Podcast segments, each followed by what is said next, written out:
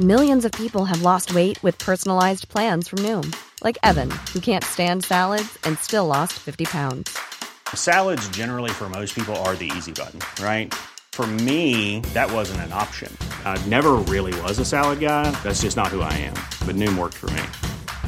Get your personalized plan today at Noom.com. Real Noom user compensated to provide their story. In four weeks, the typical Noom user can expect to lose one to two pounds per week. Individual results may vary. Hey, it's Paige DeSorbo from Giggly Squad. High quality fashion without the price tag. Say hello to Quince. I'm snagging high-end essentials like cozy cashmere sweaters, sleek leather jackets, fine jewelry, and so much more. With Quince being 50 to 80% less than similar brands. And they partner with factories that prioritize safe, ethical, and responsible manufacturing. I love that. Luxury quality within reach. Go to quince.com slash style to get free shipping and 365 day returns on your next order. Quince.com slash style. Vær varsom-plakaten gir etiske føringer for pressen, mens jussen og loven setter absolutte grenser. Hva er forskjellen mellom etikk og juss, egentlig? NRK-serien om Arne Treholt var toppsak på Dagsrevyen. Har nyhetssendingene blitt promoflate for annet TV-innhold? Det lurer både vi på, Eva, og ikke minst lytterne på denne uka. Det er sant, for vi fortsetter den trenden vi har skapt, vi nå, nemlig å svare på flere lyttespørsmål. Og forhåpentligvis ikke den trenden vi skapte forrige uke med å surre til opptaket. Sitte og bable uten at noe skjer? Nei, det skal vi ikke, det skal vi ikke fortsette med. Så, og det er jo et bevis på det, for hvis lytterne hører dette her, så har vi jo klart det. Så har vi fått det til. Ja. Men um, det hoper seg jo litt uh, opp, uh, selvfølgelig, da, med, med, spørsmål når vi ikke klarer å, å besvare de uh, hver uke. Um, men dette, vi, dette, liker vi. Vi får bare mer og mer og bedre og bedre spørsmål, hvis vi kan si det fra, ja, fra lytterne. Og noen av de som vi hadde forrige uke, hvor vi følte vi var jævlig bra, kan vi ikke si det sånn?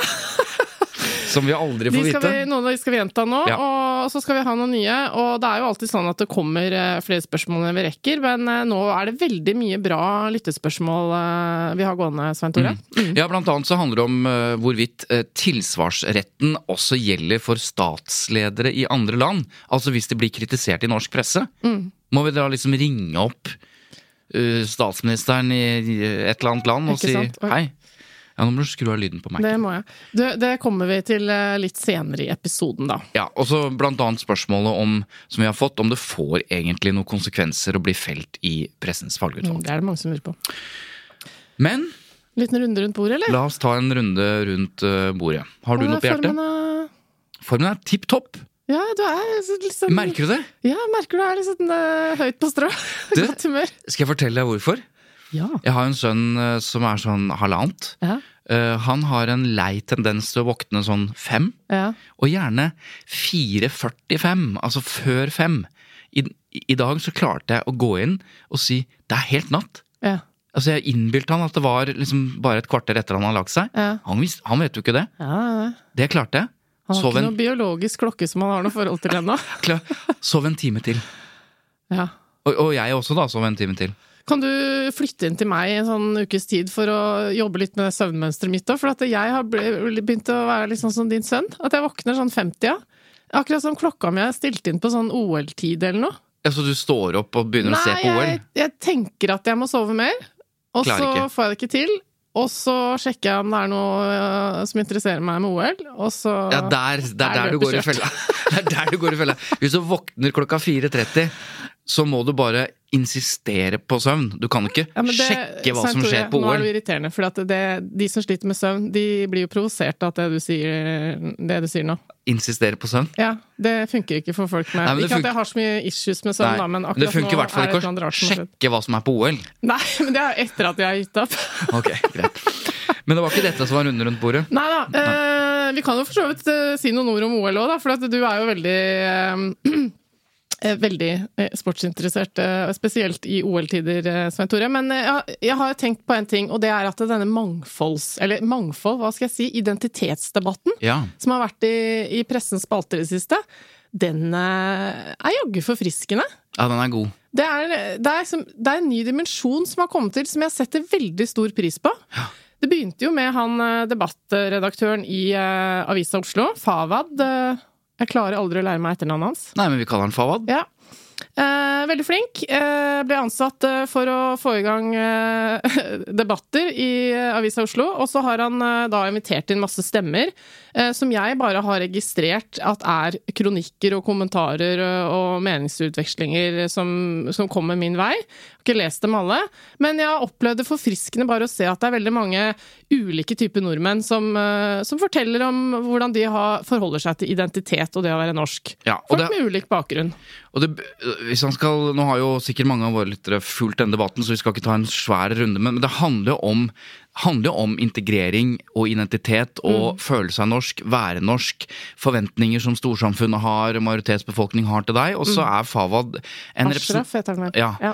eh, en representant eh, for den, for de eh, som er født i Norge, men som allikevel liksom bare Jeg orker ikke det mer, jeg. Den derre Forventningen om at jeg skal ha den norske identiteten. Nei, jeg, det er mange andre ting som er viktigere for meg. Å være en verdensborger eller være, ha en identitet som noe annet, men ikke nasjonal ikke identitet. og Ikke? Og så kommer røde flaggene opp, både fra Abid Raja og Hanne Skartveit i, i VG og sånn, at dette er farlig. Ja, det er farlig fordi- at man ikke identifiserer seg som norsk og sier man ikke er det. Nettopp, fordi Forrige uke da vi satt her, så var jeg, da hadde jeg akkurat sett debatten der hvor han Fawad Ashraf og uh, Abid Raja blant andre, Ja. uh, og også Shazia, som er eh, kommentator i VG. Ja. Alle hadde veldig gode og interessante innlegg, men Abid Raja var skikkelig på krigsstien. Ja, du sa forrige uke, uh, som vi ikke tok opptak av, at han var veldig god. Ja. Ja. Jeg ble litt sånn rørt Ja. av hvor provosert han var over at noen skulle komme her og, og på en måte tråkke på uh, de som har gjort så mye gjennom livet sitt for å bli norske, Mm. som om det var en fallitterklæring, eller altså eh, Så jeg, jeg ble rett og slett litt rørt av det. Men så hva har skjedd, da? Nei, jeg snudd lite grann. eh, fordi jeg tror kanskje at eh, det som skjedde i den, eh, den utgaven av debatten, var at eh, Fawad kom kanskje ikke helt til sin rett med sine poenger. Det var mange i debatten, og Abid Raja var så sterk osv. Og, så og så har jeg reflektert litt mer over det eh, gjennom uka. Og så har jeg lest nye ting som han har skrevet. Og så, og så kjenner jeg litt sånn nå ja, Jeg er enig med begge. Nå, nå skjer ofte det som skjer med samfunnsengasjerte mennesker, som vi tross alt er, at vi begynner å snakke om selve debatten. Men dette, vi skal jo snakke om pressens rolle. Ja. Men du var inne på det. Ja. Du har lest mer. Altså, Det det. denne debatten, Jeg den syns pressen har gjort en god jobb her. Veldig. Eh, ved å bringe disse temaene opp og, og få det inn i spaltene. Og ja, virkelig, altså. Jeg, jeg tenkte litt på det, fordi at det, det er jo sånn at man skulle jo tro at den, de der sedvanlig høyrøstede, eh, insisterende innvandringsskeptiske stemmene som man jo ser ofte, med Ja. en gang det er et tema om dette, så tar de over. Altså det blir bråk og, og sånn. Også, Ja, og de- noen som skal kapitalisere på det ja, politiske. slo politisk eller, ja. mynt på, på dette her og sånn. Ja. Og så har jeg ikke sett noe særlig av det. Og, og da har Nei, jeg tenkt og sånn det er det, det er det som er nytt. Hvorfor det? Er det fordi de bare ikke gidder? Altså fordi de liksom, de holder seg unna denne mer filosofiske identitetsdebatten? Ja. Eller er det fordi de redigerte mediene, altså debattflaten i VG, Aftenposten og sånn, bare eh, ikke gidder å slippe de til? Altså, Ja, fordi det er jo det som Det er jo Der har de jo litt makt, da. De har Eh, makt, eh, og de har en oppgave ja. å redigere den debatten. Hvis de ønsker å ha den debatten, så kan du ikke slippe til alle de der stemmene som eventuelt Ja, for da vet de at den avspores. Ja, og det er det, det er det man kaller sensur, da. Men som i realiteten er da eh, helt vanlig redaksjonell virksomhet også på debattflater. Det er basically det å være debattredaktør. Jeg, jeg lurte så på dette at jeg, at jeg ringte eh, til Hans Petter Sjøli, som er eh, sjef for liksom, debattflatene i VG. Hans Eh, og, Petter Sjøli, ja. ja, og da Sjølveste. Sjølveste. Og da så, så sier han dette, da. Du, jeg må bare si en ting Ja. før, du, Ja. før du slipper han til. Tenk hvor mange som med hjertet i halsen har sendt en e-post til Hans Petter Sjøli, Ja. hvor de bare Hvor det står en tekst som, de har, som betyr alt for dem. Og så har de skrevet inn hans e-postadresse, sendt den av gårde, og følt at nå stopper tiden. Ja. Helt til jeg får svar fra Hans Petter Sjøli. Jeg bare ville legge det inn i konteksten her. Snakker du på vegne av en venn, eller? Nei, jeg bare, nei, jeg, bare Nei. nei. jeg, jeg husker ikke om jeg har sendt den til han, ja, men eh, jeg bare tror at det, han har veldig standing eh, i rollen som Ja, det er han som, eh, og sammen med selvfølgelig et redaktørkollega, som bestemmer om din tekst skal eksponeres for en million nordmenn. Ja, nettopp. For eksempel. Det er jo litt mer enn en skolestil. Det er det. Men i hvert fall så sier han dette, og når jeg eh, f- tegner opp dette bildet, da, jeg lurer på hvordan denne debatten har, eh, hvordan de har opplevd denne Ja. debatten, og hva de faktisk har gjort med den for å styre den, da. Så sier han dette. Ja, for det første vil jeg si at jeg syns det er en ganske interessant debatt. Eh, så- som har kommet godt eh, ut. Vi har prøvd å styre unna eller prøvd å balansere det så godt som mulig. Og i utgangspunktet så prøvde vi å holde det innafor minoritetsmiljøene, for det var der den store kampen da foregår. Men så har vi utvida etter hvert også, at eh, majoritetsstemmer har kommet inn i debatten. Eh, men vi har eh, vært veldig opptatt av at vi skal balansere det. Det skal være en rolig, ganske relativt saklig debatt. Eh, og vi har overraskende nok ikke fått eh, mange innlegg i, innboksen fra de, hva skal vi kalle det, mer usual suspects i innvandringsdebatten. Hva er grunnen til det, tror du? Det vet jeg ikke. Eh, Men mye Det har jo merka generelt at tonen i den type debatter er blitt litt I hvert fall på våre flater, i i, i våre uh, innbokser og den slags, så syns jeg faktisk at hun har blitt litt roligere. Litt mindre angsttypisk. Eh, og det handler kanskje mye om at en del av den siste debatten har flytta seg ut på eh, sosiale medier. F.eks. På Sylvi Listhaugs hjemvegg, eller altså på, på andre kanaler da, hos oss. da. Det er noe som er bra, og det er noe som er dårlig ved det her. Det som er bra, er at eh, det er mulig å følge disse debattene uten at man får eh, vondt i øra. Ja. Men den delen som gjør oss vondt i øra, eller som vi får vondt i øra, flytter seg til alternative medier, til Facebook-vegger. De forsvinner ikke. Ja, nei da, de er litt mer fragmentert der ute på sosiale medier antagelig. Mm. Men i hvert fall så skal jo da mediene ha skryt for at de har fått inn veldig mye ulike stemmer, også i sine egne redaksjoner og, og blant kommentatorene og sånn. Det syns jeg er veldig interessant. Å få Absolutt. nye perspektiver. OL, sa du. Vil, du. vil du virkelig snakke om OL? For da kan jeg jo holde det gående lenge. Du? Altså, er det ikke tidenes medaljesoping eh, Jo. dette året her? Jo, altså vi er der oppe og nikker med de aller beste årene. Nå er jeg litt usikker, jeg har ikke sjekket det siste, men vi, har, eh, vi er i ferd med Vi kan eh, knuse den rekorden hvis vi ikke allerede har gjort det. Så det er jo helt eh, vanvittig bra, da. Ja. Men jeg må bare eh, sneie innom eh, noe. Altså, vet du hva som irriterer meg? Det er de der kommentarene på overalt på nettet som sier «Å, det er så dårlige kommentatorer. Jeg, vet du hva jeg gjør? Jeg ser på TV, og så Ja. skrur jeg opp NRK Ja. radio. Altså, folk har sagt det nå. Den eh, er kanskje litt passé nå, ja. Den er så teit. Altså, de har sagt det siden Bjørge Lillien. Og, og for de som ikke vet hvem Bjørge Lillien er, så ble han kåret til verdens feteste sportskommentator på radio. Mm. Da var det gyldig å si det. Men når folk gjentar dette her, det er bedre å høre kommentatorer Nå er det jo en del av de samme som faktisk er på Discovery også. Nei, men jeg skal bare si en ting. Det er to, to kjappe ting. Hun som kommenterer skiskyting, Mm. har fått visstnok eh, veldig mye pes i sosiale medier, for det er mange som mener at hun har en både stemme og kommenterer eh, liksom, De er ikke fornøyd, da. Mange. Eh, og så er det veldig mange som har tatt henne i forsvar, rent faglig sett, for hun er kjempebra faglig sett, og oppdatert og, og sånn og sånn.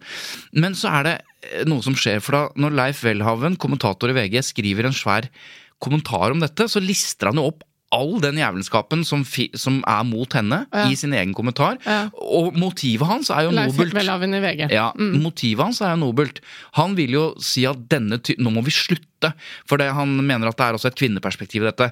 Så, så han, han virkelig går i møte med disse trollene på nettet. Ja. Men så, så, så stiller andre spørsmål, f.eks. Mats Hansen. Når blir det vanskelig for henne? Er det når en million mennesker leser det i VG, alt det dritten hun får, eller at det bare forblir i kommentarfeltet.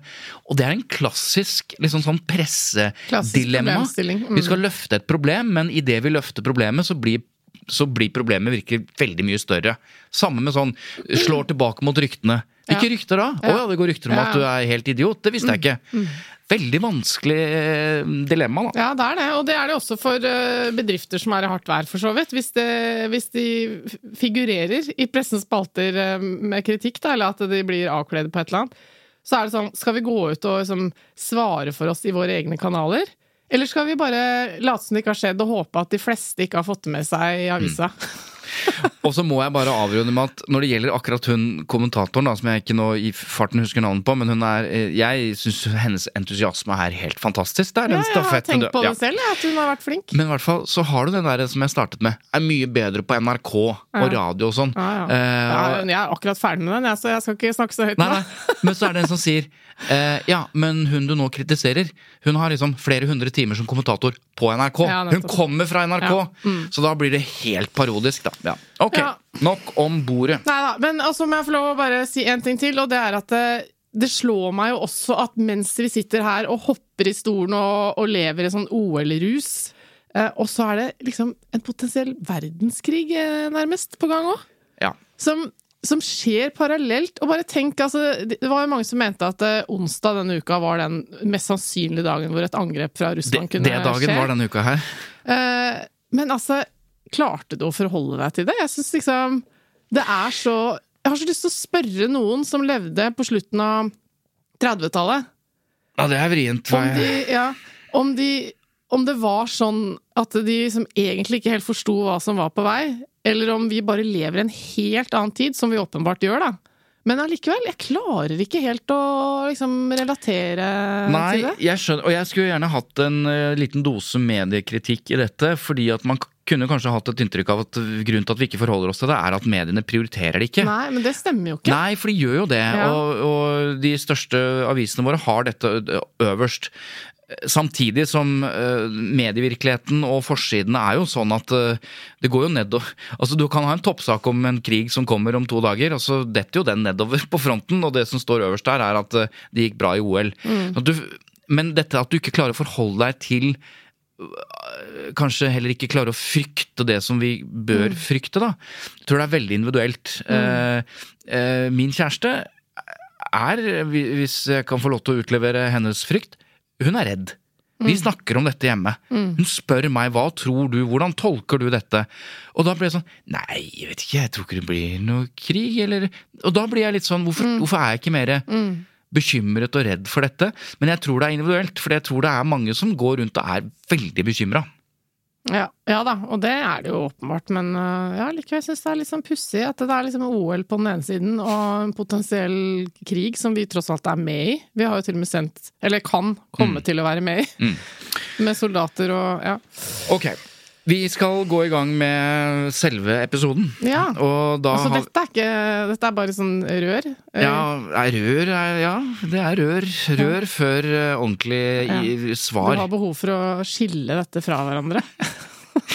I hvert fall. Nå kommer det et eh, veldig interessant lytterspørsmål. Ja, Ja. jeg gleder meg. Ok. Hei, Tut. Eh, tusen takk. Legg merke til at eh, folk kaller ikke Tut og lenger. Nei. Det er bare Tut. Jeg tror vi skal ta skylda for det sjøl, for Ja. vi gjør jo det, vi òg. Tusen takk for en super podkast som nå har blitt eh, en av ukens høydepunkter for min del. Det var jo innmari synd at forrige ukes opptak ikke ble noe av. Ja, jeg trenger ikke å rippe opp i Nei, det for, mer. å- eh, for oss andre er det imidlertid godt å høre at dere også eh, kan gjøre feil. Ja. Ja. hvis vi kan Den bidra med det, så er det jo Altså, uh, Det skal jeg love deg at vi gjør hele tiden. Vær varsom-plakaten gir etiske føringer for pressen, men jussen setter jo absolutte grenser for pressen. Eh, kunne dere hatt en episode om pressens forhold til loven? Altså, hvor går grensen? Eh, brudd på privatlivets fred, og så refererer hun til en sak om Se og Hør og Lars Lillo, Stenberg og, og kona Andrine Sæther.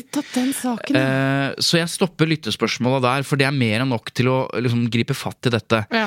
Eh, hun som skriver inn, tusen takk til deg, hun er jurist. Så hun er spesielt interessert i dette skillet mellom etikk og juss. La oss ta uh, denne saken. Du husker jo godt saken om eh, der uh, Se og Hør tok bilder av bryllupet til artisten Lars Lillo Stenberg og skuespilleren Andrine Sæther. De lå i buskene, for å si det rett ut. ja, ja, de, lå, de gjorde seg ikke til kjenne. På De, Tjøme når bryllupet foregikk på en holme. riktig. En strandsone, ikke sant, på, på Tjøme, og så dukket plutselig bildene opp i Se og Hør tre dager senere. Dette var i 2005. Og de mente at det var et brudd på privatlivets fred. De gikk til sak. Kort fortalt, de vant i tingretten over Se og Hør. Ble tilkjent, tilkjent 150 000 i erstatning. Eh, Se og Hør anket. De vant også i lagmannsretten. Altså Lillo Stenberg Ja. og Sæther. Mm. Så blir det anket til Høyesterett. Så skjer det noe interessant. Taper de. Se Hør vinner fram. Alle presseorganisasjoner fulgte dette veldig tett, Ja. og var veldig glad for det, eh, at Se Hør vant. De skulle kanskje ønske at det ikke var Se og Hør som sto i, i front, men det var et presseetisk eller prinsipielt viktig dom, mente pressen. Jeg kjenner jo jeg hisser meg litt opp over Du skal dette. få lov til å hisse deg opp over det, men jeg skal bare si at eh, så gikk den helt til altså Andrine Sæther og Lars Lillo Stenberg tok jo saken til Menneskerettighetsdomstolen i Haag, som på en måte er siste stopp da når du har liksom passert høyeste rettsinstans i et land, så er det Menneskerettighetsdomstolen. Der taper de også, og så blir liksom saken eh, død. Men dette, ja, nå skal du få lov til å, å hisse deg opp, fordi eh, du var vel Jeg aner meg at du er mer enig med de lavere rettsinstansene enn de høyere her? Eh, ja, det kan jeg bekrefte. Og det som er så deilig, er at jeg har ytringsfrihet i dette landet, så jeg kan jo til og med Jeg kan jo egentlig bare være helt uenig med Menneskerettsdomstolen i Haag, hvis jeg vil. Vær så god. Men eh, altså, nei. eh, For meg så handler jo dette om at jeg syns det blir for teknisk når man eh, bruker det at noe foregår på offentlig grunn som et utgangspunkt for vurdering av en sak. Eh, For det blir for enkelt for meg. Pressen har jo sine prinsipper, og de er jo for så vidt veldig enige at det er noen ting du ikke kan holde for deg selv. F.eks. det at et bryllup er en offentlig handling. Det registreres i offentlige registre. Og hvis du velger å ha dette bryllupet eh, ute på et sted hvor alle kan komme og overvære det, så må du liksom bare regne med at eh, noen ligger i buskene og tar bildene, for du står der til utstilling. Og du må også regne med at eh, siden du er litt kjendis og har lagd noen låter, og du er litt kjendis og har vært skuespiller, så er det offentlig interessant nok at de bildene i tillegg For én ting er at du kan stå på andre siden av holmen og overvære det. Det andre er at det blir publisert i en avis som følger pressens etiske regler. Og da er jo liksom eh, Nå har du sikkert noen som Eller kanskje du selv er uenig, men poenget mitt er bare det at det, uansett hva folk sier om jussen og etikken og liksom ditt og datt, så, så gir det ikke mening for meg at du som litt kjendis, og ikke sånn jeg har eh, gjennom flere år bjud- bjuda på alt i mitt privatliv på Instagram og sånn, ikke sånn. Jeg er kjendis fordi jeg er musiker. Jeg lager masse låter. Eller jeg står på en scene. Jeg har ikke bydd på så mye annet. Men er det der du mener grensa går? Ja, at hvis jeg- du har nei. bydd på noe hele livet, da må du regne med at Se og Hør ligger i buskene og tar bilde av bryllupet ditt. Men hvis du bare er kjendis pga. ditt yrke, så bør de holde seg unna. Altså, jeg mener i hvert fall at eh, Eller jeg vet også at eh, pressens etiske vurderinger handler veldig mye om hva man har gjort tidligere for å påkalle oppmerksomhet. Mm. Og der mener jeg at altfor mange i denne debatten, fra kanskje spesielt pressens side, har en tendens til å bruke det at eh, du har søkt offentlighetens interesse som et argument for at du må tåle eh, veldig mye annet eh, av publiseringer som du ikke har bedt om. Men det er Men det der med søkt offentlighetens interesse, det er der jeg blir provosert. For jeg mener det er veldig mange måter å søke offentlig eh, interesse på. Hvis du er i alle reality-programmer og har sex under dyna eller sitter på Farmen og utleverer deg sjøl og er med på Firestjerners middag og er en sånn person som veldig ofte eh, deler når Mm. det passer deg. Så kan du ikke regne med at når det ikke passer deg, så skal du få lov å sette en grense. Kan- Men når du er kjent i kraft av den jobben du gjør! Ok, jeg kan eh, i hvert fall si nå at det handler om litt andre ting enn dette du ser. Ja, jeg skjønner det er veldig Jeg trenger å få denne Ja. saken litt bedre Det belyst. er to ord som er kjempeviktige her. Det er krenket eller ikke krenket. Altså begrep det å krenke privatlivets fred. da. Ja. Mm. Hva ligger egentlig i det? Når er det du krenker? Og det andre er om det har offentlighetens interesse. Ja. Eller, okay. Og da må jeg nok en gang få si det jeg alltid sier, at det er forskjell på offentlig interesse og offentlig nysgjerrighet. Og dette er I viktig. min bok. Ja, og det skiller faktisk Menneskerettighetsdomstolen også på. Ja, det er bra. Ja, Men um, jeg sier dette for vi har fått hjelp til å besvare disse uh, spørsmålene fra en professor. Heldigvis, for hvis ikke så hadde vi ikke kommet noen vei. til. Nei, men, men jeg skal bare nevne, før vi slipper til uh, professoren, så er det jo også noe som forvirrer her. fordi at i den samme menneskerettighetsdomstolen, der Mm. Lars Lillo Stenberg og Andrine Sæther ikke fikk medhold for at det var krenking av privatlivets fred, så fikk prinsessen av Monaco medhold det er det. at bilder av henne tatt på offentlig sted var krenking av privatlivets fred. Ja, og ikke alle bilder som hun har klaget inn, men noen. Nei. Så det er Så- litt forvirrende. Så denne forvirringen tok jeg med meg. Ja. Eh, satt meg ned og ringte, og ringte til, til eh, en professor som heter Ellen Lekserød Hovlin. Eh, professor ved Høgskolen i Volda, eh, som har skrevet doktoravhandlingen 'Vern av privatlivets fred'. Så Som jo nettopp handler om kjente personers vern mot offentliggjøring av private forhold i redaktørstyrte medier. Bra. Altså Det blir jo ikke mer to the point nei, enn det. nei, det er jo helt nydelig. Hvordan fant du fram til dette mennesket? Internettet. Oi, oi, oi. Men hun, eh, hun, burde, hun, burde vi snakke mer om, fordi, mer med, ja. hver gang vi lurer på noe. For jeg skjønte hva hun sa. Ja, nettopp. Det er ikke Ja, det er alltid man gjør. gjør. Så jeg spør da professor Ellen eh, i første omgang hvordan kan det ha seg eh, at de første rettsinstansene så vinner de fram med at det er brudd på privatlivets fred eller krenkelser, mens de taper i Høyesterett og Menneskerettighetsdomstolen. Ja, for det er samme jussen. Det er jo den samme jussen. Ja. De kommer fram til to vidt forskjellige konklusjoner. Hvorfor det? Ja, altså I denne type saker så er det jo mange momenter som kommer inn. ikke sant? Man må gjøre en sånn avveining mellom hensynet til ytringsfriheten på den ene siden og så hensynet til personvern og privatlivets frihet på den andre siden. da. Og så eh, er det en avveining, men domstolen har liksom formulert en liste over flere momenter som kommer inn i den avveiningen. Og så gjør de da en helhetsvurdering av alle de momentene. Um, og det som var forskjellen på uh, underinstansene, da, altså tingretten og lagmannsretten og Høyesterett i den saken, det var dette med hvor, hvor krenkende de syntes at det var. Um, for tingretten og lagmannsretten de la da eh, mer vekt på dette at et bryllup er svært personlig, um, og, og at de hadde lagt dette til en privat eh, eid holme, som det riktignok var, var, var, som riktignok var fritt tilgjengelig etter friluftsloven, men, men de hadde likevel forsøkt å beskytte seg da, ved, å, ved å legge det dit. ikke sant? Og de hadde sagt nei til at pressen kunne være til stede. Um, og så var det også veldig viktig at dette ikke hadde noen form for allmenn interesse. Eh, altså Dette var ren underholdning. Det var ikke noe sånn element av allmenn interesse der, mente tingretten og lagmannsretten. da. Ja, og, Men så kommer Høyesterett og Menneskerettighetsdomstolen til motsatt konklusjon. De ga altså mediet medhold. Og, og, og, hvordan kommer de til liksom en helt motsatt konklusjon da? Ja, det var litt forskjellige vurderinger i Høyesterett og, um, og eh, EMD. Eh, Høyesterett sa at eh, dette var ikke så veldig krenkende. Altså dette var, det var ingen trakassering, det var, det var ikke så veldig belastende, ingen kritikk. Eh, de viste ikke bilder fra selve vigselshandlingen. Eh, de hadde valgt å ha, lage et bryllup med et ekstraordinært opplegg, litt sånn spektakulært opplegg. Um, og de hadde også valgt å legge det til en holme med, med, med allmenn ferdsel. Da. Uh, og derfor så mente Høyesterett at det var ikke så veldig ikke så veldig krenkende. Um, og Så kom den til EMD, og da la EMD vekt på det samme. Men i tillegg så påpekte de at, uh, at dette hadde et element av allmenn interesse. Uh, de mente at, uh, at det var ikke bare underholdning, det var også et element av allmenn interesse her. Fordi et bryllup en ekteskapsinngåelse får en del sånne juridiske konsekvenser.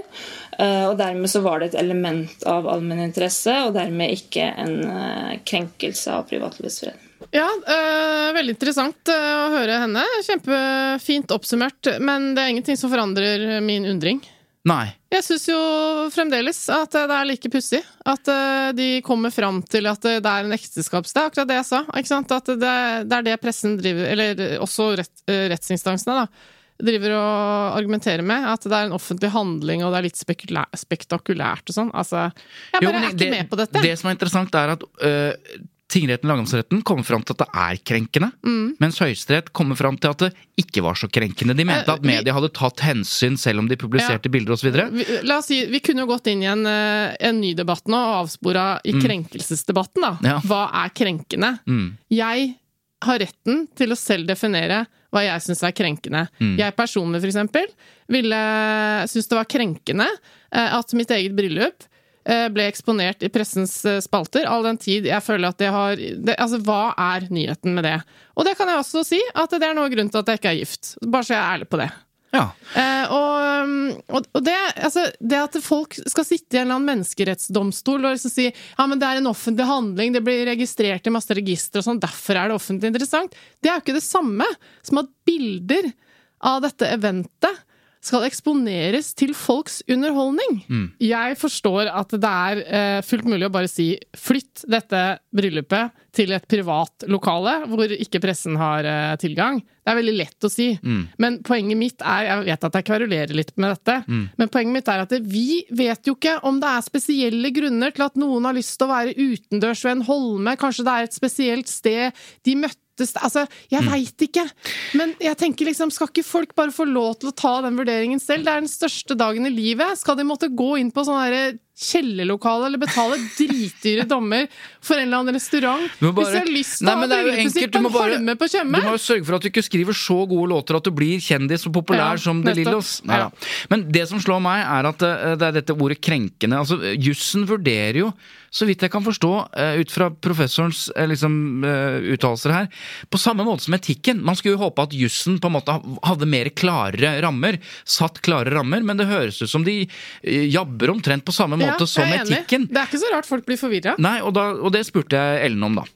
Ja, jeg tror nok mange har litt sånn forventninger til jussen om at den liksom skal være klokkeklar, og der skal det være litt sånn eh, enkle, klare løsninger, da. Men på dette området så, så er det ikke det i jussen heller. Eh, her er det også avveininger som må gjøres, på samme måte som i presseetikken. Um, og det er eh, mange momenter som kan komme inn i den av, avveiningen. Så vet vi litt om hvilke momenter som er særlig viktige. og sånn. I denne type saker så er dette med allmenn interesse veldig viktig. Og det sier domstolene at det er det helt sentrale eh, momentet i denne type saker. Eh, men det er eh, likevel en helhetsvurdering, og eh, ja, nei, det ligner litt på presseetikken eh, sånn sett, da. Og så blir man jo litt forvirret, fordi vi som har jobbet i pressen, vi har også hørt om den såkalte Karoline-dommen. Eh, altså prinsesse Carolina Monaco, som fikk medhold når hun tok samme type sak liksom helt til Menneskerettighetsdomstolen. Og bilder eh, som var tatt av henne eh, på offentlig sted, da fikk hun medhold. Det var en krenkelse av privatlivets fred, men, men hva er liksom forskjellen her da? Eh, Det var særlig to forskjeller da, hvis du skal sammenligne Karoline-saken og, og bryllupsfotosaken. Det ene er at i, i Karoline-saken så var det et element av sånn trakassering og personforfølgelse. Ikke sant? Hun hadde blitt forfulgt over lang tid, og det, det presiserer MD eksplisitt at det, det la de vekt på. Eh, Og det andre er igjen dette med allmenn interesse. At i den første Karoline-saken så fant de ikke noe som helst allmenn interesse. Eh, Dette var kun ren underholdning, mens i bryllupsfotosaken så, så fant altså EMD et sånt et visst element av allmenninteresse. Og så kom det også to nye Caroline-dommer, altså samme prinsesse, som sikkert hadde fått litt hva skal vi si, troa på at hun kunne føre sakene sine for Menneskerettighetsdomstolen, men, men, men to separate nye saker som hun da ikke får medhold i. Eh, og Hvis du bare kort kan liksom, reflektere rundt det, da var det tydeligvis andre ting de la vekt på, da. Ja, eller da, altså ikke sant, Den første Karoline-dommen det ble jo stor oppstandelse i presse-Europa for den, og den ble masse diskutert. Og, og eh, særlig da selvfølgelig i Tyskland veldig mye diskutert. Um, og Det som skjedde da, uh, det var at tyske advokater ga da tysk presse råd om at hvis de heretter skulle skrive om kjendiser, så måtte de sette det de skrev om kjendisene, inn i et sånn samfunnsperspektiv. Uh, altså prøve å knytte det til noe som hadde samfunnsmessig betydning. Og det de gjorde da i den andre Caroline-saken, det var at de skrev om at Caroline var på skiferie, og tok bilde av henne når hun var på skiferie. Men så skrev de ikke bare om at hun var på skiferie. Eh, De skrev også om at eh, faren hennes, altså daværende fyrsten i eh, Monaco, var alvorlig syk. Og knyttet det til det. Og det har jo allmenn interesse, ikke sant? Eh, Og da mente EMD at det også hadde en viss allmenn interesse at hun valgte å dra på ferie, mens søsknene hennes var hjemme for å pleie denne syke faren. Um, så derfor så hadde I den andre saken så, så mente EMD at det hadde en uh, allmenn interesse, til motsetning for den første. Og I den tredje så gjorde de litt det samme. Der skrev de om uh, feriehuset hennes. Jeg husker ikke helt hvor det var. men... Um, skrev om det huset, og at hun leide ut det huset når hun ikke brukte det selv. Eh, og Så knyttet de det til en trend blant kjendiser om at de også leide ut feriehusene sine, og skrev også at kjendiser er også sparsommelige og har økonomisk sans. Da. Eh, så knyttet de det på den måten til en sånn samfunns eh, ja, noe av samfunnsmessig betydning. Da. Og dermed passerte det i EMD. Ja, her er trikset, Eva. Hvis du ikke var klar over det, skal du vinne fram Jeg skal love deg at jeg var klar over det. Dette her har jo alle tabloide medier blitt veldig flinke til. Jo, men det er veldig interessant. Jeg har ikke vært så klar over at uh, bevisstheten rundt dette mm. At skal du uh, drive med kjendisjournalistikk og komme unna med at du ikke krenker privatlivet, så må du knytte det til et samfunnsperspektiv ja. av offentlig interesse. Mm. Og dermed så går du klar. Vi må huske at bakteppet her er jo Hvis vi går tilbake til uh, kronprinsesse Mette-Marits første år da, i offentligheten.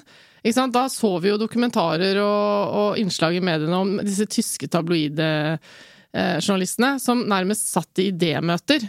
Eh, og liksom, hva, kan, hva, hva, skulle vi ønske at skjedde? Hva, hva, kan være scenarioer? Og så lagde de jo nærmest saker Det var jo fiktive saker òg, var det ikke det? Eh, det begynner jo der, men så har det jo blitt mer proffe også i Norge, vil jeg si, til å gjøre akkurat det som hun forteller om. Um, så, Det er det som gjør det så vanskelig, og det er det som kanskje da er forklaringen på at uh, både etikken og jussen er litt vanskelig her. For det, det, er sånn som i min sak også, når jeg drev og surra nede i Spania, at uh, det var jo en grunnleggende offentlig interesse i det samfunnsrelevante spørsmålet at hva uh, Hvordan skal vi forholde oss til at en kronprins en tronarving er sammen med en eh, liksom, hvem som helst Norsk jente norsk fra østkanten. Ja. Det ligger der som et premiss som gjør det offentlig interessant å, å snakke om. Og så er det det jeg lurer på, er jo derfra til alle enkeltoppslagene. Kan det premisset i bunnen rettferdiggjøre alle enkeltoppslag? Ja, kanskje jobben da blir hele tiden å finne en liten lenke til noe som viser et eller annet mm. i det samfunnsspørsmålet, som gjør at oppslaget kan rettferdiggjøres. da. Siden du selv drar inn denne perioden, og det er åpenbart både av den personlige erfaringen, altså den faglige erfaringen du har fått i etterkant av det, eh, og, og dette har vi ikke snakket om, men jeg prøver meg. Mm. Ehm, det var et oppslag i eh, spanske medier, tabloidmedier, mm. hvor de hadde ligget i buskene i, og tatt bilde av da du mistet faren din, altså begravelsen. Mm. De sto bak trærne når kista ble båret ut av kirken og sånt? Ja, de sto bak trærne og var paparazzi. Eller ikke bak trærne lenger da, da var det klikk, klikk, klikk, klikk, klikk foran hele greia. Ja. Og dette er da flere år etter, selvfølgelig. Du har en, du har en ny mann, du ja. har en familie, og du står der i din dypeste sorg, og det er bilder av deg eh, i sorg, og, og, mannen din og alt mulig, ja. publiseres i Seks sider eller noe sånt. Eh, Seks sider. Mm. Med utgangspunkt i de dommene vi nå snakker om i Menneskerettighetsdomstolen, mm. så innbiller jeg meg eh, at hadde du tatt den saken her, ikke i PFU, for dette var jo spanske medier, men tatt denne saken mm. for domstolene og tatt det helt til Menneskerettighetsdomstolen, så kan ikke jeg skjønne annet enn at du hadde vunnet fram. Fordi ta bilde av en mm. tidligere kjæreste av en tronarving med hennes nye familie fordi hun mister pappaen sin. Mm. Eh, det, er jo, det er jo ingen offentlig interesse i Spania for dette. Nei, Er du enig i det resonnementet? I mitt hode har du jo ikke det, nei. At du hadde vunnet fram hvis du hadde kjørt saken? Kanskje, hvis du ville det? men altså, nettopp av dette her, mm. som vi nå hører om, at det går litt eh, opp og ned med hvem som vurderer hva og sånn, eh, og hvor ressurskrevende det er å gå til en sånn sak, så er det jo veldig mange sånne saker som ikke blir prøvet. Da. Folk mm. orker jo bare ikke, de aller fleste. Så all ære til de som har orket, da, og tatt det all the way. Som for eksempel eh, prinsesse Caroline og Lars Lillo Stenberg og Andrine Sæther. Men jeg jeg syns jeg aner når jeg hører professoren her, at hun kanskje ikke er helt fornøyd med at man bare finner på nærmest, eller konstruerer mm. et element av offentlig interesse. Så jeg, så jeg spurte henne egentlig om det, og hva, ja, hva hun tenker om det. Ja, nei, altså Det var jo, det sa jo Karoline også, det. Um, altså Det var jo henne, en av hennes uh, anførsler. Da, at hvis man, hvis man, godtar den teknikken der, så vil jo det uh, altså Det er jo bare et skalkeskjul, det er jo hyklersk, sa hun da. At, uh, for det at man bare kan tilføre saken en form for allmenn interesse ved å skrive noen linjer om noe sånt. Og det vil jo da i praksis frata henne hele privatlivsvernet sitt, hvis, hvis man aksepterer den teknikken fra journalistene. Da.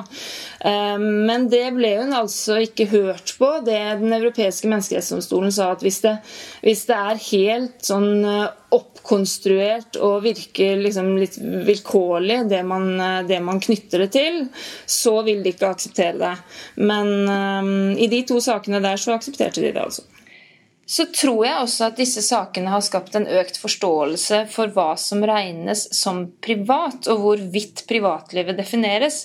For det er ikke sånn at det bare er det som skjer innenfor hjemmets fire vegger som regnes som privat. Vi har også krav på vern av privatlivet vårt når vi, befinner oss på offentlig sted, og det gjelder også for kjendiser. Det er ikke sånn at man kan publisere hva som helst om en person bare fordi personen befinner seg på et offentlig sted. Også da så må man kunne begrunne at det man publiserer, har en eh, allmenn interesse. Og så vil ting som gjelder offentlige personer, oftere ha en allmenn interesse enn ting som gjelder private personer. Og Derfor så sier domstolene at, eh, at offentlige personer må tåle mer enn private personer. Men offentlige personer må ikke tåle alt de heller. Det er ikke alle sider ved livet til en offentlig person som har allmenninteresse. Og det viser den første Karoline-saken eh, tydelig. Altså, Ellen Lekstrø Hovlin. Ja. Eh, for en bra kilde. Kom igjen, da! Dagsnytt 18 og Ukeslutt og alle medier. Ring henne når du vet hva hun snakker om. Hun vet hva hun snakker om. Veldig bra. Skal jeg si deg noe annet som var litt gøy? Som fortalte, da, men jeg tok det ikke med, for det gikk, altså. men, men, hun sa at uh, hun hørte på podkasten, og hun brukte podkasten i undervisningen. Oi, Altså denne podkasten? Ja, fordi vi tar opp eh, Vi har jo ikke alle svarene, men jeg, jeg, liker å tro at det er fordi vi stiller de riktige spørsmålene. Eller vi tar opp ting. Vi, har, vi kan, ikke, kan, ikke, bruke alt det våset vi har til undervisning, eh, men eh, det er hyggelig. Ja. Nei, men ja, Veldig hyggelig. Og tusen takk til Ellen. Jeg, jeg, har bare lyst til å si en ting som, som jeg da alltid sier når vi snakker om den typen saker, til alle dere unge der ute som har forvilla dere ute på Instagram og blogger og bjuda på alt mulig. Tenk nå over disse tingene. Mm. For når du holder på med det, så er det veldig vanskelig, når du har lyst til å slukke det lyset, å få lov til det i pressens logikk. Så mitt råd til de fleste er by på deg selv når du mener ting, når du står for noe, når du har lyst til å være med i en debatt, men tenk litt ekstra over hva du deler av alle disse uinteressante tingene om privatlivet ditt. Tante Eva Tante Sofie. Tante det var Sofie mitt kallenavn på Du, um, vi har jo flere spørsmål. Vi skal prøve å besvare noen av de, jo Jeg merker jo at vi egentlig skal gå inn for landing allerede. Vi har jo holdt på en stund. Ja. Et par småspørsmål, eller? Ja. Lyttespørsmål nummer to. Mm. Det er Hei, takk for uh, superbra podkast. Et av ukas absolutte osv. Skal vi ha med det hver gang? ja, men det står det her. Ok, um, Jeg lurer på følgende. Lørdagsrevyen så var Arne Treholt-saken hovedsaken. Det, det, er i grunnen greit, men det ble vist flere klipp og referert til NRK-serien Rikets sikkerhet om Treholt-saken. Jeg opplevde dette som reklame for serien. Eh, om det nye elementet i saken var så ekstremt oppsiktsvekkende, så har jo NRK trolig visst om dette lenge. Toppsaken på Lørdagsrevyen bør vel være noe viktig og dagsaktuelt, og ikke en utvikling i en dokumentarserie. Altså, Serien er veldig bra, men toppsak på Lørdagsrevyen? spørsmålstegn. Bør ikke NRK passe seg for ikke å drive markedsføring av egne serier i beste sendetid? Veldig bra spørsmål. Ja, Hva tenker du? Altså, Jeg tror jeg har blitt litt sånn nummen på akkurat det her. For det, det, er noe som har irritert meg i en god, god stund, faktisk. På generelt grunnlag. Det der at eh, flere og flere nyhetsrelaterte spalter i mediene eh, nærmest oppfører seg som promoer. Og det har man jo sett en del på TV 2 også, at liksom, de har en tendens til å alltid promotere for det neste som kommer, fordi de vil jo holde på seeren i den lineære sendingen. Jo, men én ting eh, er å ha promo på slutten ja, av en sending. Dette er ja, jo toppsak. Jeg er enig, så jeg bare er i, i gang med et resonnement her. At det, liksom, det har sneket seg inn en del sånne ting som jeg tror var helt utenkelig tidligere. eh, som nå har kommet i små steg. Eh, og, og så syns jeg det spørsmålet er veldig bra, fordi nå har det liksom fått en ny dimensjon, som han, tror jeg det var, påpeker, nemlig inn i liksom toppsaken på Dagsrevyen. Og så er det jo Jeg har ikke sett den episoden uh, som inneholder uh, akkurat det nye momentet hvor det er noen avlyttinger eller noen dokumenter fra KGB, KGB, som mm. bekrefter Treholt, hvis jeg har forstått det riktig Ja, det er noen interne kilde. dokumenter eh, som forteller noe at de vurderte hans eh, og hans posisjon som veldig veldig viktig. Ja. Og siden det er interne dokumenter, eh, så eh, det er ikke noe de skryter av eller prøver å forandre det. Det har ikke vært en del av rettssaken. Nei, så de, så de mener at det er viktig. da, og jeg tror det er, Nå så ikke jeg Dagsrevyen heller, men jeg, det er i hvert fall det er et av de nye elementene. Ja. Det er åpenbart i hvert fall nyheter i serien. Ja, eh, og det er jo Jeg syns liksom poenget er jo veldig bra i spørsmålet. ikke sant? At dette har jo NRK visst, så er det ikke sånn at når nyheten kommer for en dag, så skal den ut der. Så det som føles rart her, er jo at de sparer det til den episoden er sluppet, for da er det, har det en større promoeffekt. Her mener jeg mye. Ja. Altså, eh, Vi kan se på det i hvert fall på to måter. Nei, det er ikke sånn at hvis eh, mediene får, en nyhet, så er de liksom forpliktet til å, Nei, å er publisere den nyheten når de, når de får den. Nei. For det, det handler jo om eh, når man skal publisere dette. Eh, det kan være mange hensyn, blant annet så må man sjekke hele saken. Altså, du, må, du må vite noe mer. Ja. Og så må vi godta at mediene, så lenge de er alene om noen saker, velger når de skal publisere det. Altså, de det. har dramaturgi, de også, i Ja, sine og, ja, og så videre. Men, og, og dette med at, at det er nyheter i saken, er åpenbart. Så, så det kvalifiserer jo til en nyhetssak. Kontrollspørsmålet her er, hvis dette hadde vært en kjempegod dokumentarserie på TV 2 som de hadde fått uh, vite om. Ville, ville en dokumentarserie om Treholt på TV 2 skapt overskrift og headline i NRK Dagsrevyen? For i prinsippet så bør det jo være sånn Ja. at de kan ikke ta hensyn til om den serien går på NRK. Det er jo nettopp derfor lytteren reagerer, fordi det er egen serie, og han mistenker at de gjør dette nettopp fordi det er egen serie. Ja, og da, da tror jeg svaret er kanskje både ja og nei. For at det, man har jo sett at dette skjer også Jeg husker jo den Estonia-dokumentarserien som kom fra Monster, var det vel? Som var og- på Discovery. ja, eh, det ble jo omtalt i andre medier osv. Men om det var toppsaken på Dagsrevyen, det husker jeg jo da ikke. Jeg, eh, uten å utløse noe, noe samtidig imøtegåelse eller eh, tilsvar, tilsvar må de gjerne få, men eh, jeg mener at NRK Dagsrevyen har vurdert dette på en annen måte fordi dette er en NRK-serie, og så har de på en måte skjult seg bak at det er tross alt nyheter, men den prominente plassen den saken får, det får den fordi det er en NRK-serie, vil jeg påstå. Og det merker en seer, og han er sikkert ikke alene. eh, Og derfor så går det kanskje litt over streken. Så uh, mitt råd til redaksjoner Folk ser hva dere holder på med. Eh, så vær nå redelige. Og det betyr at kommer det tilsvarende nyheter i andre TV-serier i andre kanaler, så har dere nå Dagsrevyen forpliktet dere til å løfte opp det også. Så vil jo de si at ja, men det er mange nyheter, vi, gjør et utvalg osv. Ja. Men eh, TV 2, eh, det er mulig de ikke følger med i timen. De hadde ikke noe, TV 2-nyhetene hadde ikke noe hovedoppslag på Treholt-serien til NRK. Men fy fader, for en serie! Ja, ja. Jeg har sett eh, noen av episodene foreløpig. Det er eh, en forfriskende fortellerteknikk i Ja. denne dokumentaren. Jeg er helt enig. Som selv min 13 år gamle sønn syns er superinteressant å se på. Så gammel sak. Jeg må gi et lite spark når vi først snakker om det. Jeg klarer ikke la være. Nei. Eh, vi hører jo på andre podkaster, og det er jo sånn at VG som avis har jo fulgt uh, spesielt uh, denne type saker veldig tett. Selvfølgelig hele, helt fra den startet. Og vært veldig tydelig på hva de mener om Arne Treholt og dommen osv. Og, så og dette går i arv. Hanne Skartveit er politisk redaktør i eh, VG. Gjestet Anders Giæver podkast. Eh, Giæver og gjengen. Anders Giæver stiller et helt betimelig spørsmål. Eh, han ble dømt i en tid der kald krig var så kald, og vi var så redde, at disse 20 årene han fikk, eller 21 eller 20 år han fikk, han tenker, og i hvert fall stiller spørsmålet er det, Jeg skjønner at han gjorde noe han ikke skulle gjort, Ja. men, Og men det han ikke sier, er jo Han sammenligner det jo med lengden på dom til f.eks. terroristen eh, etter Ja. 22. juli. Jo da, men sant, vi har det, det er den strengeste dommen. Ja. Han, hadde han fått 20 år hvis det hadde vært eh, 10 år etter, sant, hvor vi ikke var midt i den, Mm. den situasjonen, og han sier selv at han er usikker på om han mener at dette her Mm. er eh, 20 år. Det kan man jo, det er sånn vi kan synes og mene om det. Og det er greit, og jeg er tilbøyelig til å stille, å være enig med Anders Giæver opplever å stille det samme spørsmålet. Men eh, når pressen skal mene noe, så er det sånn Hanne Skartveit er altså så kategorisk og så fullstendig uten nyanser. Det er bare Anders Giæver, bare det å stille spørsmålet er helt vilt. Er du klar over hva Arne Treholt gjorde, osv.? samme. I tillegg til en kombinasjon av skråsikkerhet og, og unyansert og upresis gjengivelse av Treholt-saken, mener jeg.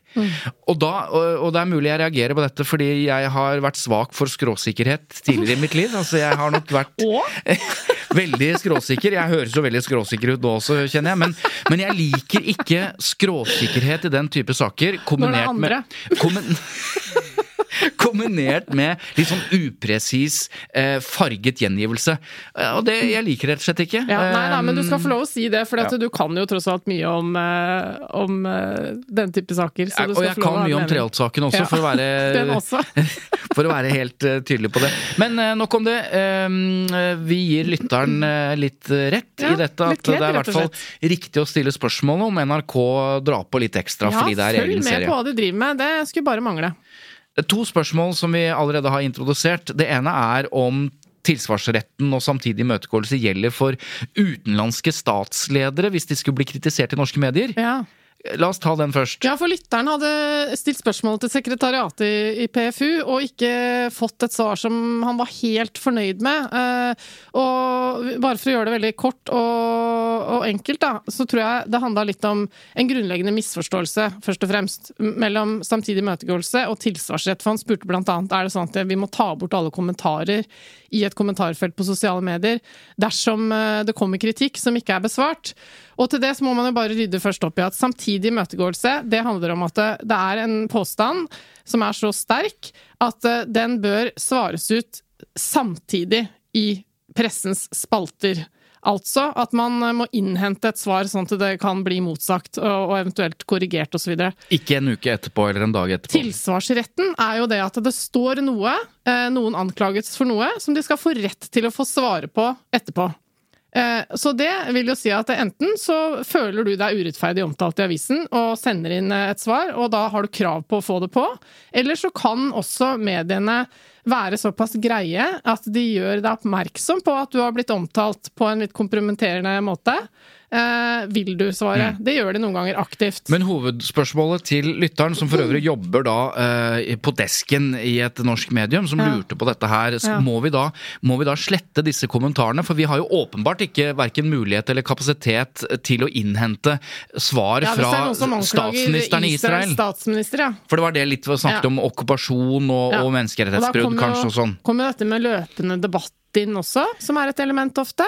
Men kan vi ikke være tydeligere enn det eh, han opplever at svaret var? Ja. Det er sånn at ja, både tilsvarsretten og eh, samtidig imøtegåelse, altså, altså disse tingene som gjelder for norsk presse, de gjelder også eh, dersom det skulle komme påstander mot andre. Altså Det er ikke sånn at vi, fordi vi passerer grensa Nei, nei. på Svinesund Det gjelder så- stater og ambassader og, Ja, og det har og vi jo statsledere og noen eksempler på at det kommer det kraftige påstander, kanskje av faktisk art, da, som, som utløser samtidig imøtegåelse, så forholder man seg av og til til ambassadene. Det vil si i hvert fall ambassadene forholder seg til norsk presse, for de klager inn.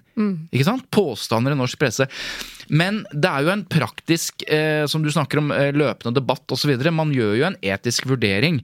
Er kommentarutløser kommentarfeltene den type eh, samtidig imøtegåelse eller tilsvarsrett for eh, Og er det staten, eller er det personlig, Ja. denne politikeren navngitt osv.?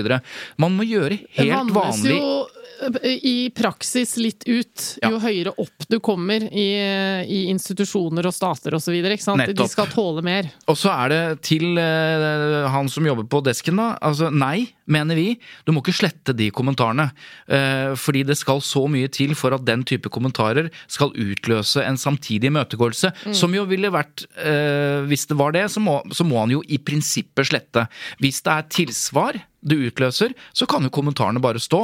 Og så får vi vurdere hvordan man skal eh, innhente den type tilsvar, da. Altså, Men, eh, men det, er et, det er relevant spørsmål. Jeg skjønner at det er vanskelig. fordi La oss ta uh, alle disse påstandene mot uh, si Hillary Clinton, da, alt det man har hørt om og lest om at det foregår eh, på bakrommet i en eller annen pizzarestaurant med barn involvert.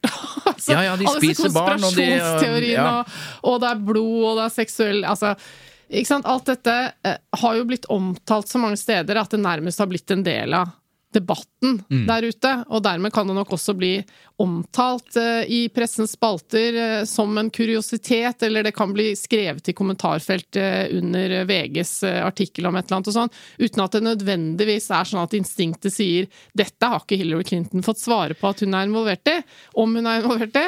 Eh, Så vi må slette det. Så det er, Ja, når det er det er del av et større sakskompleks og sånn, så Ja, også, er det og så må man jo vurdere dette helhetlig, som du sier. Altså, hva er et kommentarfelt? Hvor sterk er en beskyldning fra en, mm. nettroll som Mm. Ja. Mm. sier et eller annet? Jeg mener det er helt andre deler av presseetikken som slår inn. Det handler om, om, eh, om faktasjekk og 3-2. Du skal ikke sette på, på trykk heller eh, påstander som det ikke er mulig å, å, liksom, Mm.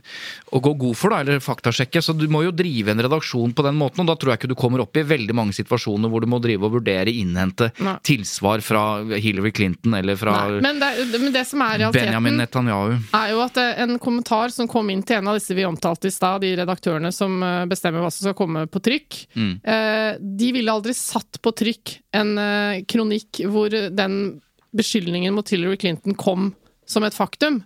Eh, mens de hadde kanskje latt den stå fra et nettroll i kommentarfeltet under den samme artikkelen. Mm. Og det er litt interessant, for presseetisk så er det egentlig sånn at avisa har ansvar for å moderere også den tråden, men der er det litt vanskeligere Men man må jo å- se på nettrollkommentering, selv om du har ansvaret for det. Eh, Det har ikke samme kraft som hvis en norsk utenrikspolitiker ville hevdet det samme mot Israel. Nei, det er, Så- det er sånne vurderinger Nettopp. som kommer inn. Men bare for å svare på, de har ansvaret for det. Ja, absolutt. Ja.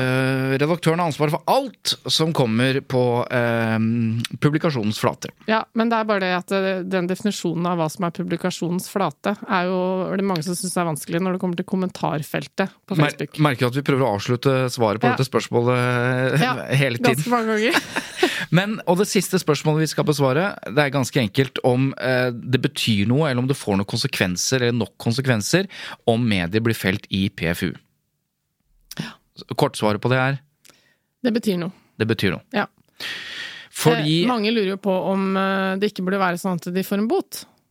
Ja, Og til det så kan jeg bare veldig enkelt si at eh, dersom man skulle um, finne frem til en fornuftig bot, så begynner jo etikken å ligne mer på jussen. For da er det jo en slags straffeutmåling Ja. eh, som må beregnes. Eh, og det er litt vanskeligere innenfor etikken. Ja, og så er det vanskelig fordi at øh, systemet i Norge er jo da et selvdømmesystem, så det er jo pressens egne organer som er det organet som vurderer eh, rett og galt og etisk innenfor eller utenfor. Skulle man hatt økonomiske sanksjoner, så måtte jo Da måtte man jo forandre et helt system, mener jeg, fordi da må man jo ha et eller annet form for tilsyn. Vi har jo et medietilsyn i Norge som ikke har noe med denne etikken å gjøre, men som har noe med norske medier om de følger avtaler og regler de har inngått, f.eks. et allmennkringkastingsoppdrag som TV 2 har, ja da kan de få Og bøter. NRK. Mm. Ja, og da kan de få bøter hvis de ikke gjør som, det som Mm. står i avtalen.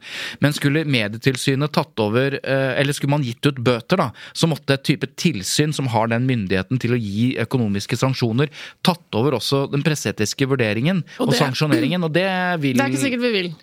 Eller vi vil ikke det, for vi mener at denne ordningen faktisk fungerer. Det er ikke sikkert Hvorfor? Norge vil heller. Den fungerer fordi det er, fordi det er pinlig. Ja, altså, eh, Pressens faglige utvalg er jo, bare for de som ikke har fått med seg det, selv om vi har sagt det mange ganger, en selvdømordning. Den er eh, organisert og drevet av pressen selv. Eh, Så dette er jo medieorganisasjonene som finansierer sin egen ordning og, og dømmer seg selv. Men så skal det sies at de har også nå i det siste innsett at deres egen ordning kan være litt komplisert på den måten at eh, de både kommer med kritikk, fellelser, eh, litt sånn eh, mildere form for eh, frifinnelse som er liksom etter en samlet vurdering, og frifinnelse. Eh, som mange opplever også litt eh, forvirrende. Så de, de har jo også sine ting å, å rydde Ja opp i. Men eh, poenget er i hvert fall at det, det som skjer når du blir felt i Pressens faglige utvalg, er jo at du bare får eh, eh, liksom skammen. Altså det er the walk of shame i din egen bransje, pluss at du må offentliggjøre det faktum at du er blitt felt i en fornuftig spalte som gjør det sannsynlig at de som så det du gjorde feil, også ser rettelsen. Det vil ikke si at det er like stor spalteplass og sånn, for det går ikke. Nei, men det skal i hvert fall eh, altså For eksempel hvis NRK blir felt, så leser hallo-dama eller mannen opp ja, dette. Tror ikke det er lov å si mer, men ja. Hallo? hallo? Det må være lov. Hallo, mann. Og Men, hallo, dame. Men vi, gjentar, vi gjentar i hvert fall det. Vår påstand, før noen eh, ringer inn og, og sier at sånn er det ikke, vår påstand er at journalister i redaksjoner har ikke nødvendigvis noe imot å bli klaget inn for press, til Pressens faglige utvalg, Nei. for det kan i hvert fall tyde på at de har eh, stilt så mye kritiske spørsmål og vært såpass De beveger eh, seg Ja, de beveger seg kanten, mot grensen. liksom. Så Mm. lenge de ikke blir felt, så, gjør, så er det eh, hos noen, eh, vil jeg mene, en slags eh, Ja, det er Et eh, klapp bevis på at de Ja. ja. Her er du på ballen, liksom. Ja. Men hvis du trår over eh, og blir felt, eh, så kan du selvfølgelig være uenig. Eh, men du må eh, si til hele din leser og lytter og skare at eh, du har dritt deg ut. Ja, du har brutt etikken. At internt i andedammen også, så, så er det litt skam. Og Det er det. mediene, altså det er seminarer og debatter hvert år når statistikken fra PFU kommer med hvilke medier som har blitt felt flest ganger osv. Så svaret på spørsmålet er det en straff nok, eller er det noen konsekvenser? Ja, eh, det er det. Og det er flaut. Og, og det er, og dette kan diskuteres, oppdragende. Mm. Der, på en måte er det oppdragende, fordi det skjer mye i etterkant av den type fellelser, med både gjennomgang av etiske regelverk og rutiner. På en annen side så er jo eksempel tallet på fellelser på, øh, på eksempel tilsvarsrett og samtidig imøtegåelse s- stabilt. Altså det, Ja, ja, det blir ikke så mye bedre. Det blir ikke så mye bedre. Neida. Og det er jo selvfølgelig mye mm, mørketall her. i Den, eh, altså på den måten at eh, det er jo mange som ikke orker å klage inn saker. Så det er Mm. ikke sånn at det, eh, det er færre klager et år til PFU. Det Mm. vil si at mediene har blitt flinkere osv. Det trenger ikke å ha noen sammenheng nødvendigvis. Nå er det sånn at hvis du øh, som hører nå slutten av denne episoden kikker på klokka, så ser du at øh, oi, det, det var enda litt lengre episode denne gangen. Og da får vi bare forklare det øh, med sånn som vi startet.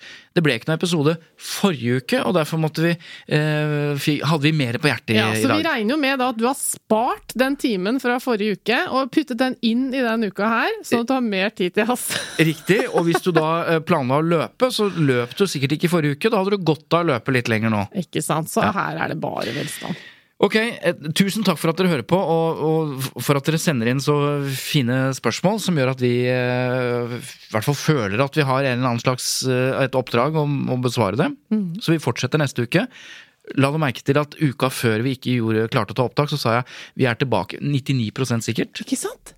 Så det er den ene Der prosenten. fikk du egentlig demonstrert det at du aldri kan garantere ting Kan som pressen har en tendens til å ville at man skal. Så jeg sier det igjen. Med 99% sikkerhet så, så er vi tilbake neste uke. ja, veldig bra. Takk for at du hører på. Takk til eh, Lyder Produksjoner som produserer. Takk til Simon Klipper og til Atle eh, Researcher. Og takk til deg, Eva, for at du eh, holder ut. Takk til deg, Svein Tore, for at du sitter her og gjør jobben din. God helg. God uke.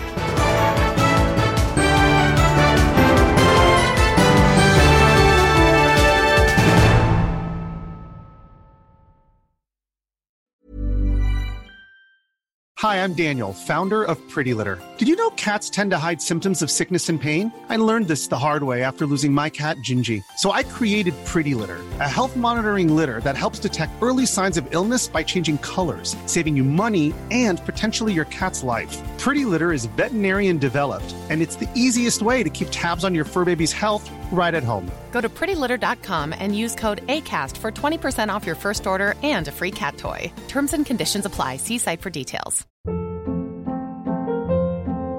Hold up. What was that? Boring. No flavor. That was as bad as those leftovers you ate all week. Kiki Palmer here, and it's time to say hello to something fresh and guilt-free. Hello Fresh. Jazz up dinner with pecan-crusted chicken or garlic butter shrimp scampi. Now that's music to my mouth. Hello Fresh. Let's get this dinner party started. Discover all the delicious possibilities at hellofresh.com.